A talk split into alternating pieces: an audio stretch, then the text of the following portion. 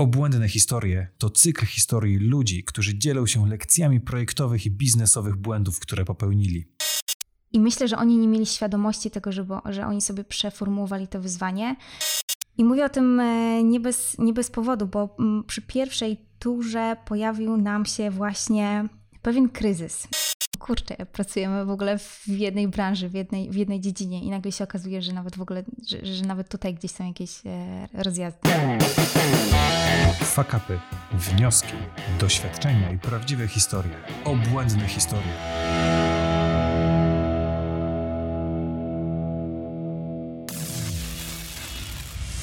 Dzień dobry. E, gościem dzisiejszego odcinka jest Natalia Kacprzyk, e, współzałożycielka firmy Tenka. E, Natalia jest również psychologiem, badaczem, projektantką usług i właśnie o błędach związanych z projektowaniem usług i lekcjach z nich wyniesionych będzie nam dzisiaj opowiadała. Także Natalia, witam cię bardzo serdecznie. Witam Cię, cześć. I dziękuję za przyjęcie zaproszenia, bo wiem, że rozmowa o błędach to wcale nie jest coś oczywistego, więc tym bardziej doceniam i nie mogę się doczekać tych historii, bo ja już wiem, że są ciekawe, a zaraz dowiedzą się o tym też nasi słuchacze. Ja też Ci dziękuję za zaproszenie. My e, u nas bardzo e, wewnętrznie lubimy dyskutować i rozkładać te wszystkie błędy na czynniki pierwsze e, i spisywać je i wyciągać wnioski i wracać do nich po dłuższym okresie czasu. Czyli mamy, czyli mamy dużo materiałów na dzisiaj do omówienia w takim razie. Był problem, żeby wybrać e, te dwa. Nie ukrywam, e, natomiast no, wydaje mi się, że są na tyle ciekawe że, e, i szerokie, że mogą być jakąś wartością dla, miejmy nadzieję, sporej ilości osób. Ja jestem przekonany, że tak będzie, także nie przedłużając, powiedz nam od czego zaczynamy i jaki pierwszy błąd jaką pierwszą historię wybrałaś. Okej. Okay. Błędy, jak mówiłam, są dwa. Jeden e, trochę bardziej o charakterze organizacyjnym, drugi e, ze współpracy z klientem. E, zacznę od tego organizacyjnego. Tak, słowem wstępu, my w Tence mm, kompletujemy zespół do projektu w zależności od tego, jaka jest potrzeba. To oznacza, że za każdym razem pracujemy w zupełnie innym składzie. Niesie to, mm, ma to bardzo dużo plusów, natomiast niesie to też całkiem sporo wyzwań takich organizacyjnych właśnie.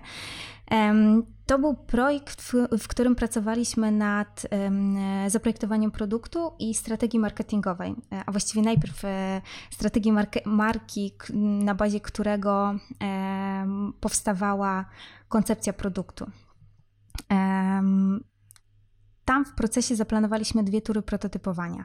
Mm, I mówię o tym e, nie bez, nie bez powodu, bo mm, przy pierwszej turze pojawił nam się właśnie pewien kryzys. E, wynikał on z no tego, to już że. brzmi dobrze. Słowo kryzys zapowiada dobrą historię. E, kryzys, kryzys może to. Za... Ja, ja, lubię go używać, dlatego że właściwie w psychologii kryzys jest synonimem zmiany w potocznym języku chyba ma takie negatywne, e, negatywną, negatywne znaczenie. E, natomiast faktycznie pojawił nam się pewien kryzys. Chodziło o to, że e, Testowanie, mm, w ramach testowania określiliśmy sobie dwa cele. Pierwszy to taką ocenę wykonalności, właściwie umiejętności E, produkcyjnych firmy, to znaczy na ile oni będą w stanie e, wyprodukować ten produkt, który zaprojektowaliśmy w możliwie jak najwyższej jakości. E, no więc chcieliśmy sprawdzić, jak oni w ogóle pracują i nad czym jeszcze musimy pracować dalej. I drugim celem była weryfikacja zgodności założeń marki z produktem, czyli na ile dany produkt, na ile ten koncept um, zgadza się z pewnymi kryteriami, które sobie e, ustaliliśmy przy okazji właśnie e, projektowania marki.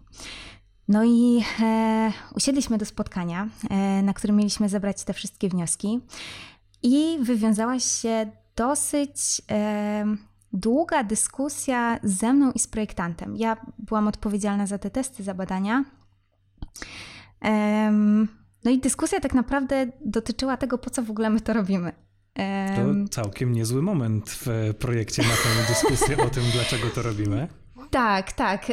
Właściwie już tu mamy rozmawiać o wnioskach, już mamy e, iść dalej i nagle się okazuje w ogóle właśnie, no, co, co, się w ogóle dzieje, o co, o co w ogóle chodzi.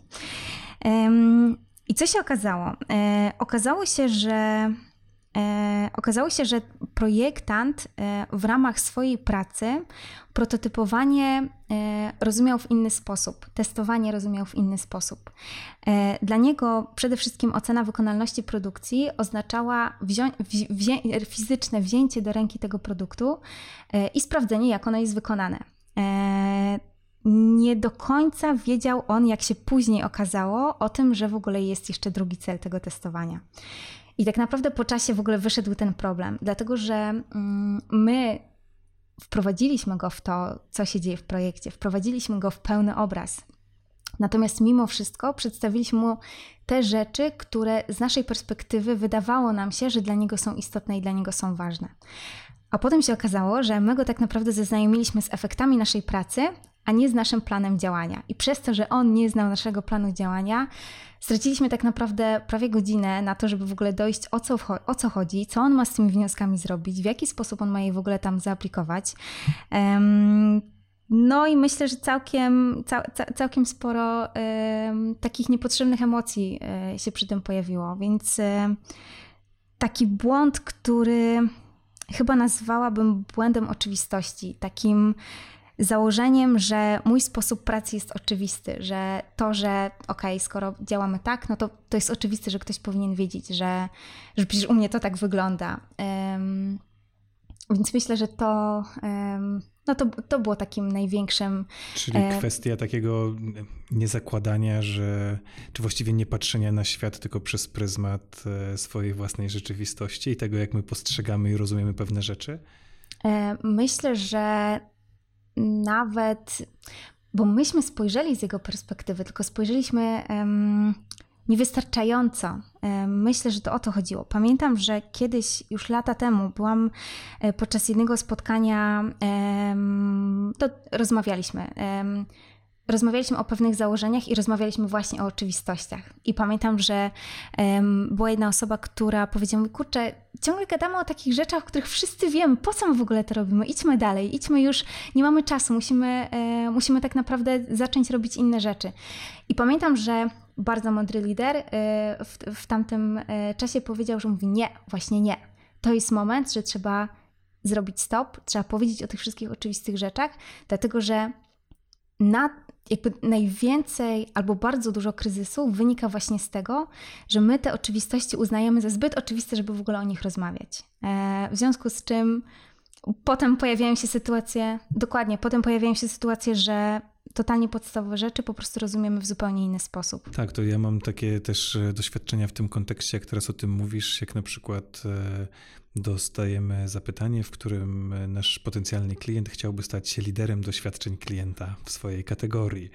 No i teoretycznie plus minus wszyscy pewnie wiedzą, co się za tym pojęciem kryje, ale kiedy zaczniemy pytać, czy jest w ogóle przestrzeń, że jest przestrzeń do tego, żeby zapytać o to, co to znaczy bycie liderem doświadczeń klienta w swojej kategorii, no to pojawia się już bardzo dużo interpretacji i to tak po naszej stronie oferenta w tym przypadku, jak i po stronie klienta i osób zaangażowanych zaangażowanych w projekt po jego stronie.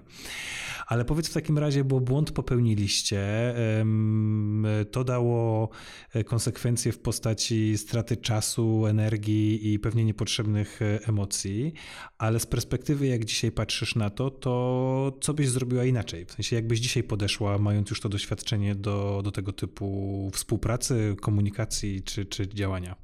Myślę też, że oprócz straconego czasu i nerwów naruszyło się pewne zaufanie w zespole do tego, że wszyscy wiemy, w którym kierunku zmierzamy, co już jest e, o wiele poważniejszym tematem. E, no ale po pierwsze, co nie będzie zbyt, zbyt odkrywcze, e, to jest aktualizowanie wiedzy wszystkich o tym, co się dzieje w projekcie, kto co robi i stałe informowanie o celach, efektach i, e, i o założeniach, w jaki sposób te efekty przełożyć na dalsze działania.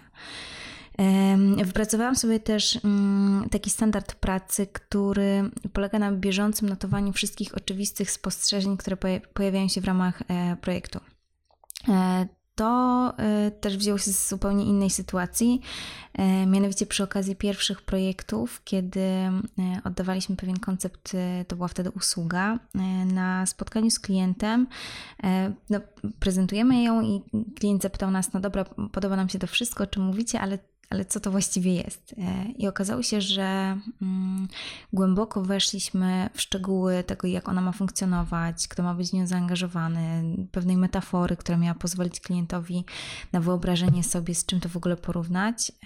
A zbyt oczywistym było e, dla nas, żeby to zwyczajnie nazwać. Nie wiem, to tak jakby zamiast powiedzieć, że mówimy e, o drzewie, skupić się na opisach otoczenia pod koniec projektu było nam już o wiele trudniej wrócić do tych oczywistości e, i je ponazywać.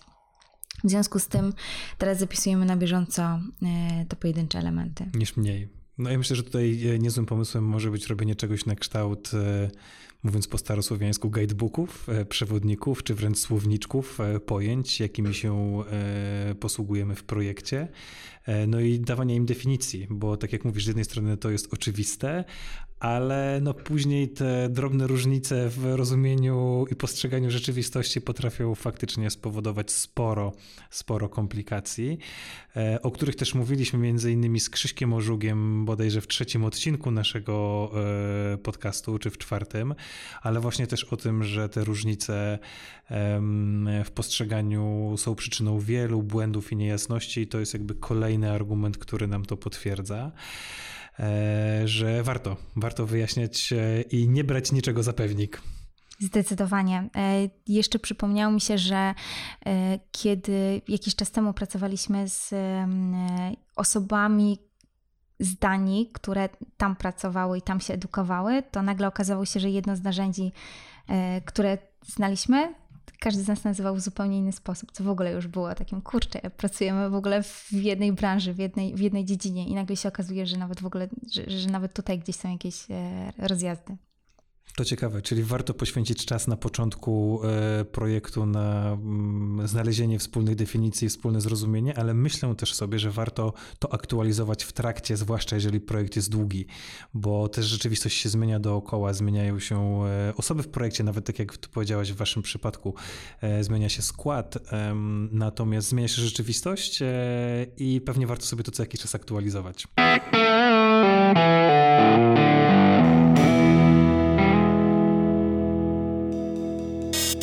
No dobra, to w takim razie mamy pierwszą historię i e, pierwszy błąd, bardziej organizacyjny. O drugim wspominałaś, że będzie bardziej kliencki, więc e, powiedz, e, co tam się wydarzyło. E, tak. E, była e, sytuacja, mm, w której mieliśmy perspektywę zdobycia nowego projektu. E, ten projekt, z tym projektem zgłosił się do nas klient, z którym e, my już wcześniej pracowaliśmy. Zresztą z bardzo dużym sukcesem, obie strony bardzo zadowolone. I z takiego naszego doświadczenia, tak jak my ich oceniliśmy, to że była to e, organizacja, która była niesamowicie świadoma, była niesamowicie dojrzała organizacyjnie oni bardzo szybko działali i tak naprawdę byli w ciągłej zmianie. Ale na pewno jest ciekawym doświadczeniem e, bycie w ciągłej zmianie i, i bez jakiejś stałości, nazwijmy to. Tak, tak. E, no więc tak, taki był klient, mieliśmy bardzo dobre doświadczenia. No i Spotkaliśmy się na pierwszym e, spotkaniu. Wiadomo, cała analiza potrzeb, przeprowadziliśmy kilka rozmów, e, na bazie których został stworzony brief, e, oczywiście z określonymi wszystkimi celami, efektami. Ten brief został zaakceptowany. Podpisaliśmy umowę, no i pierwszym krokiem było przeprowadzenie warsztatów, którym, którego celem było wyciągnięcie trochę z nich tego, tego pomysłu. Aha, bo jeszcze nie powiedziałam o jednej ważnej rzeczy. My dostaliśmy informację o tym, że naszym zadaniem będzie rozwinięcie e, pomysłu, który oni sobie e, gdzieś tam już określili. Dostaliśmy informację też, że ten pomysł został wypracowany podczas warsztatów wewnętrznych. I to był moment, w którym zapaliła mi się czerwona lampka, że to jest temat, który trzeba pogłębić, który trzeba zweryfikować i, i jakby nie można tego zostawić. Natomiast... W sensie, żeby zweryfikować, co to za pomysł i w ogóle co się za tym kryje hasłem, że mamy wypracowany pomysł. Skąd on się w ogóle wziął, dlaczego on został wybrany, na jaki problem, znaczy problem to widzieliśmy, na jaki odpowiada, ale wejść w niego trochę głębiej i dla mnie najgorszym było to, że przy każdym innym kliencie ja bym to zrobiła. Tylko, że stwierdziliśmy, ok, znamy ich, wiemy, że to jest świadomy klient, wiemy, że um, znamy ich sposoby podejmowania decyzji, w związku z czym mówimy, dobra, idziemy dalej. Możemy założyć, że odrobili pracę domową. Dokładnie, dokładnie, że możemy, możemy się skupić na tym, co, e, co będziemy robić dalej. No więc e, są te warsztaty. E, no i w trakcie tych warsztatów jakby mam wrażenie, że, że coś jest nie tak. Mam wrażenie, że rozmawiamy o czymś innym, że nasze oczekiwania względem siebie się kompletnie nie zgadzają.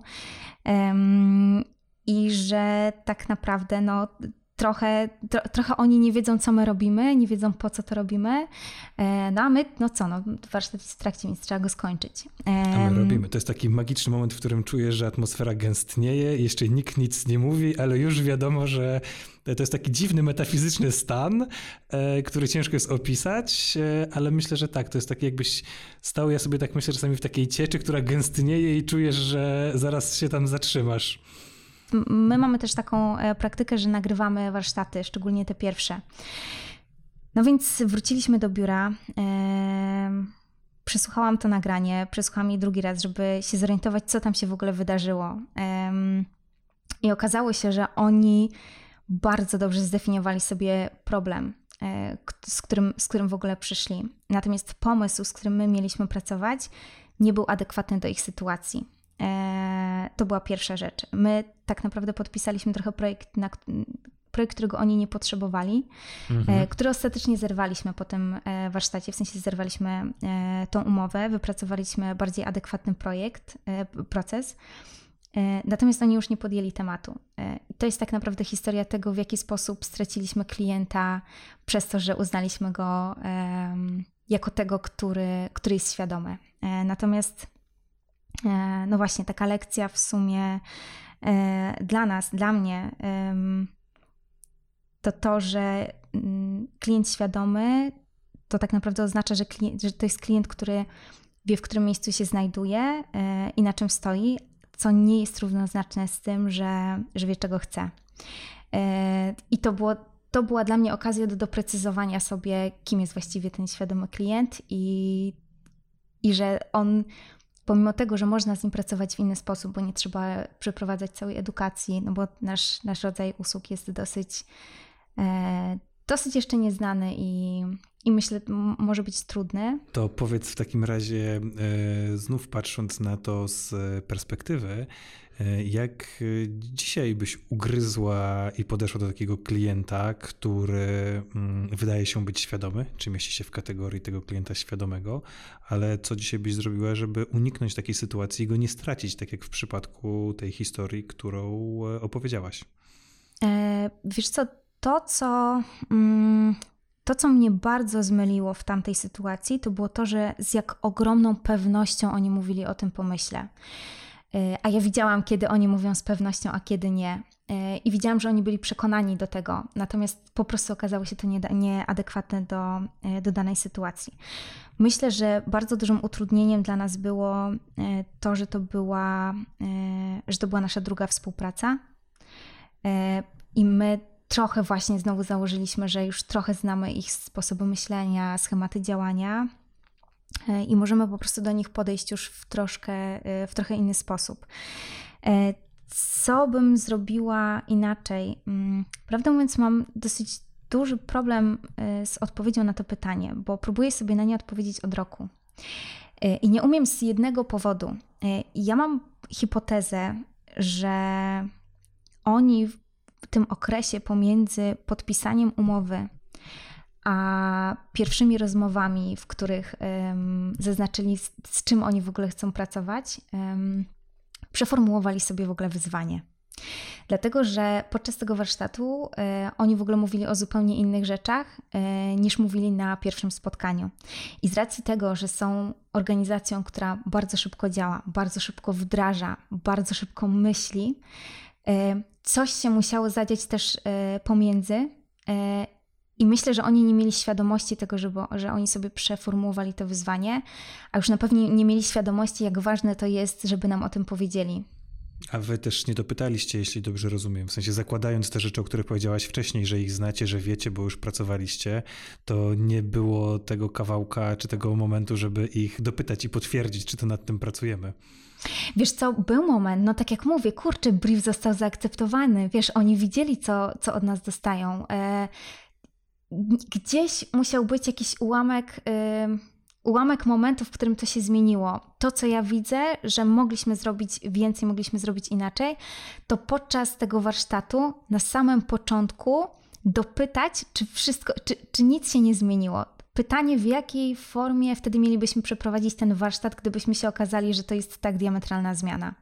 Bo my w ogóle mówiliśmy e, nie o zmianie pomysłu na produkt, my mówiliśmy o zmianie e, z, słuchajcie, musimy wdrożyć nowy produkt, na, musimy zmienić w ogóle model biznesowy naszego działania. Więc jakby, wiesz, obszar po prostu totalnie inny. Jasne, zupełnie inny. Ale że faktycznie ten moment e, potwierdzenia na warsztacie, on rodzi ryzyko takie, że ten plan się rozwali, ale z drugiej strony myślę sobie, że nawet jeżeli by się rozwalił, no to być może taki scenariusz jest możliwy, w którym powiemy wtedy, ok, to to, co mamy zaprojektowane, zostało zaakceptowane, nijak pasuje do tej zmiany, więc albo szyjemy na żywo, bo tak też da się pewnie do jakiegoś da stopnia się. zrobić, mhm. albo przekładamy i dzisiaj przepracujmy podstawowe założenia i wytyczne, a spotkajmy się w innym terminie. Ale myślę, że to jest bardzo cenne, co mówisz, żeby. Mm, nie wyrabiać w sobie takiego przekonania o tym, że my wiemy i żeby zakładać, że rzeczywistość jest bardzo dynamiczna po stronie klientów i do tego stopnia to zakładać, że właśnie jak jest początek warsztatu, procesu, kick-off, cokolwiek, to potwierdzać dla pewności i własnego spokoju ducha, że to, nad czym pracujemy, to jest to samo, co klient ma w głowie. Tak, myślę, że jak najbardziej. Myślę, że ten. E, e, w tamtej sytuacji na pewno e, trzeba było zapytać na początku i na pewno trzeba było to przerwać. E, trzeba było wtedy jeszcze przed, e, przed całą tą dyskusją o tym porozmawiać. Znowu, no, no, no bardzo, bardzo, ciekawy, bardzo ciekawa sytuacja dla nas. Choć projekt został stracony, niestety. No tak, to takie są czasami tego konsekwencje, ale błędy czasami kosztują, ale dzięki temu koniec końców ja wierzę w to, że możemy też iść do przodu i czegoś się uczyć.